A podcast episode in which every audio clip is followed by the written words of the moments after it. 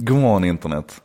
Idag är en sån här fantastisk morgon, en sån här morgon när en sak idag ska handla om internets finest. Eh, jag tänkte prata om Simon Giertz igen. Eh, jag vet inte om ni kommer ihåg, för ungefär ett halvår sedan i avsnitt, 100, avsnitt 197 så pratade jag om Simon Giertz som också kallar sig själv för eh, Queen of Shitty Robots och driver en nation som hon kallar för Robot Nation. Och överhuvudtaget är en, en fantastisk idéspruta på alla sätt. Då för ett halvår sedan så gick hon ut och berättade att hon hade en eh, hjärntumör, att hon skulle opereras. Och det var väldigt dramatiskt och mycket då kommer handla om, eh, om Patreon som är ett, eh, ett prenumerationssystem kan man säga där du kan stötta de kreatörer som du uppskattar. Och jag kunde då konstatera att Simon hade runt 5000 prenumeranter. Idag har hon 5795 Patreons eh, som betalar mellan 3 och 5 dollar till henne. Det gör att hon har en månatlig inkomst på runt 200-250 000 kronor. Och det är ju fantastiskt redan där. Nu har alltså Simon repat sig fantastiskt bra ifrån sin hjärntumör. Och att följa hennes resa genom det här, det är också så här hjärtevärmande hur hon ja, men hur, hur naken hon har beskrivit, hur naket hon har beskrivit det här. Och, äh, ni, ni, måste följa Simon Giertz. Anledningen till att jag pratar om henne nu, det är att hon har gått ut med ett Kickstarter-projekt. Och jag har ju pratat Kickstarter tidigare också, jag brukar resa en sån här liten varningsflagg. Jag älskar konceptet, alltså att du går in och stöttar kreatörer i det de vill bygga och skapa innan de har byggt och skapat det färdigt. Så att du köper alltså på spekulation kan man säga. Du köper och betalar med förhoppningen att det här kommer att bli av, att det kommer att byggas. Och kanske framförallt med förhoppningen att det kommer att levereras i tid och enligt specifikationen.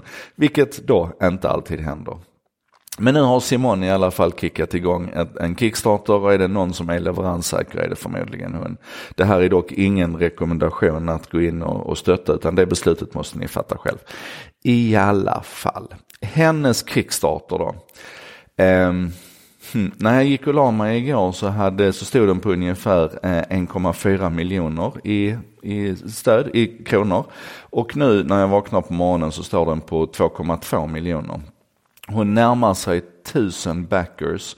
Och det man då stöttar det är en The Everyday Calendar kallar hon den. Det är alltså, ett, hon beskriver det själv som ett guldstjärnesystem för vuxna. Eftersom ingen annan ger oss guldstjärnor längre när vi är vuxna så får vi göra det själv. Och det är helt enkelt en jättevacker skapelse så här. En, en tavla som du hänger på väggen kan vi säga. En träpanel med en kapisativ, kapisativ heter det va?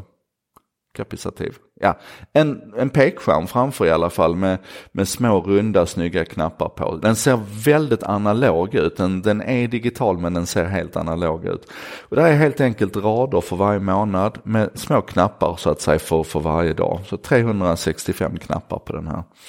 Och då är principen att för att sätta en, en vana så behöver du den här, den här drivkraften. Och det finns ju massor med helt digitala lösningar för att göra det här. Men Simon byggde en sån här tavla till sig själv när hon skulle försöka sätta vanan att meditera varje dag.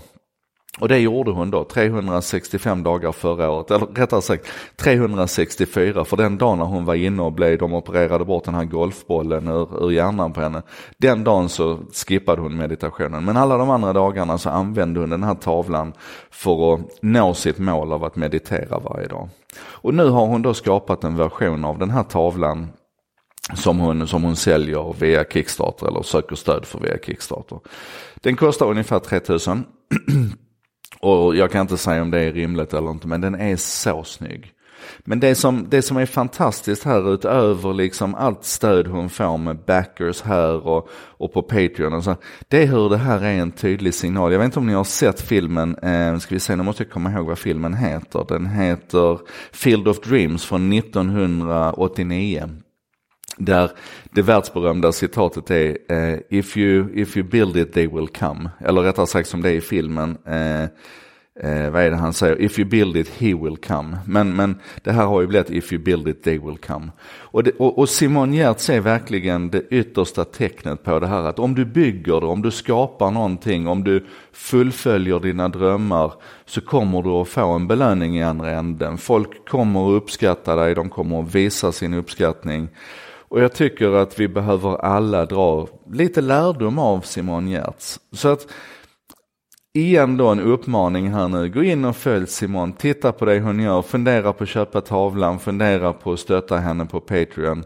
Hon är en, en sann svensk hjälte skulle jag säga i, ehm, i, i hur hon inspirerar oss alla. Och det var en sak idag eh, med mig Joakim Jardenberg och eh, precis som vanligt så kommer det en ny sån här imorgon. Häng med då!